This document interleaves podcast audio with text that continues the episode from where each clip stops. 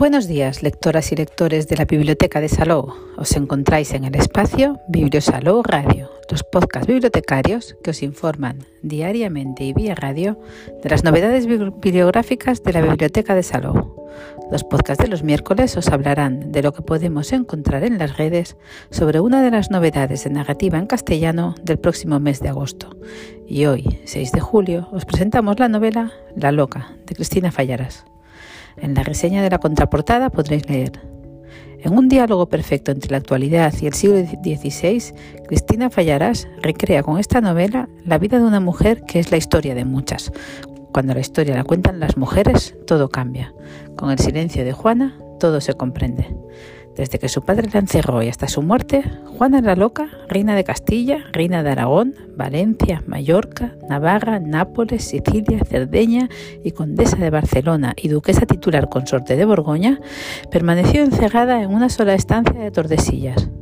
Repite conmigo, 46 años, 552 meses, 2.442 semanas, 17.094 días, 410.256 horas, encerrada, a pesar de ser reina. Durante su encierro, Miguel Ángel pintó la capilla Sixtina, estalló la reforma protestante de Lutero y Maquiavelo publicó El Príncipe. Memorízalo, hay datos que deben permanecer en la memoria para ser legados. Marina Velasco del HuffPost habla con la autora de su obra, Cristina Fallarás que si queremos entender lo que le ocurrió a la reina Juana I de Castilla, más conocida como Juana la Loca, basta con observar lo que le ha pasado ahora, en pleno siglo XXI, a la cantante estadounidense Britney Spears. En pocas palabras, un padre ávido de riqueza y con pocos escrúpulos que propaga la idea de que su hija es mentalmente incapaz, pero permita que siga trabajando para quedarse él con el dinero. Si ya resulta indignante que pasara en el siglo XVI, ¿qué deberíamos sentir cuando el patrón se sigue repitiendo en nuestra época? Estas mujeres no fueron engañadas, ni eran tontas, ni estaban locas. Han sufrido violencia económica, sentencia Fallarás. Este es uno de los puntos que más ha sorprendido a la escritora y periodista después de investigar y de estudiar como una burra la figura de Juana I de Castilla, una reina absolutamente borrada que nos ha sido escondida durante cinco siglos. ¿Por qué? Porque la historia la escriben los hombres, responde Fallarás con, rotundidad. Cristina Fallarás acaba de publicar La Loca, una novela en la que, como ya hizo con el Evangelio según María Magdalena, desmonta el relato tradicional sobre Juana de Castilla y lo entremezcla con la historia de una mujer actual. Lo que le pasó a Juana está súper de actualidad, defiende la autora. Fue precisamente escribiendo sobre María Magdalena cuando empezó a interesarse por la historia de las mujeres adineradas que en la Edad Media y en el Renacimiento se encerraban en conventos allí se formaban y ejercían su influencia. No eran monjas, eran ricas. Solían ser viudas que no querían volver a casarse ni de coña, mujeres que querían estudiar y decidían apartarse de un mundo que les era muy violento y no se lo permitía. Estudia, explica Fallarás. Fue así como llegó hasta Juana de Castilla, cuya historia la dejó impresionada.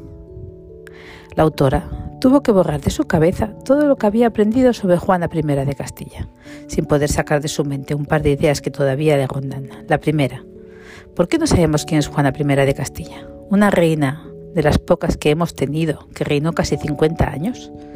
La segunda cuestión, la de la violencia económica, es decir, cómo la convierten en loca para quitarle su poder empezando por su padre, Fernando el Católico, a quien su mujer no quiso dejar el reino de Castilla, y siguiendo por su marido, Felipe el Hermoso.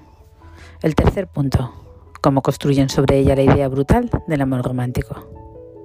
El hecho de que tras la muerte de Felipe el Hermoso Juana se negara a darle sepultura y guardara consigo el ataúd, fallara lo achaca a que en la época estaba prohibido que una reina volviera a casarse mientras su marido permanecía insepulto. Con eso, Juana consigue no tener que volver a casarse y entonces se encierra en el monasterio de las Clarisas de Torrecillas, razona la autora, como hacían tantas otras mujeres ricas de la época. Testimonios de la época, como el del jesuita Francisco de Borja, que la visitó ya en la setentena, atestiguan que Juana de Castilla no estaba loca, pero a su padre y a su marido les interesaba propagar esta versión.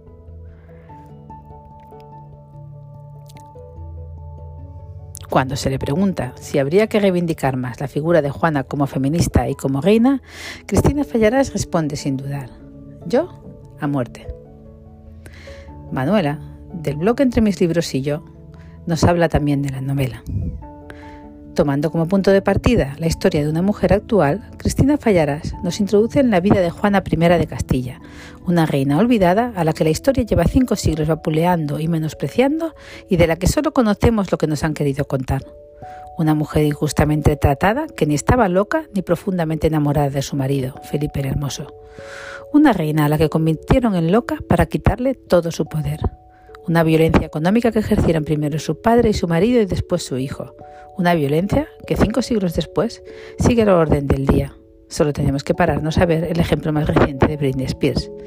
Con una prosa rica y una narrativa que en ocasiones roza el lirismo, la autora contrapone la figura de Juana a la de una mujer contemporánea y nos invita a reflexionar sobre cómo, con el pretexto de la locura o cualquier otra enfermedad mental, se ha apartado desde siempre las mujeres del poder y es que La Loca no es una novela histórica, sino que se centra en la historia de maltrato y desprecio que sufrió Juana, creando un relato sobrecogedor al tiempo que da voz a una mujer silenciada por la historia.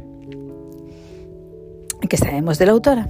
Cristina Fallarás es escritora y periodista, conocida por su defensa de los derechos de la mujer y su activismo a favor de la memoria histórica.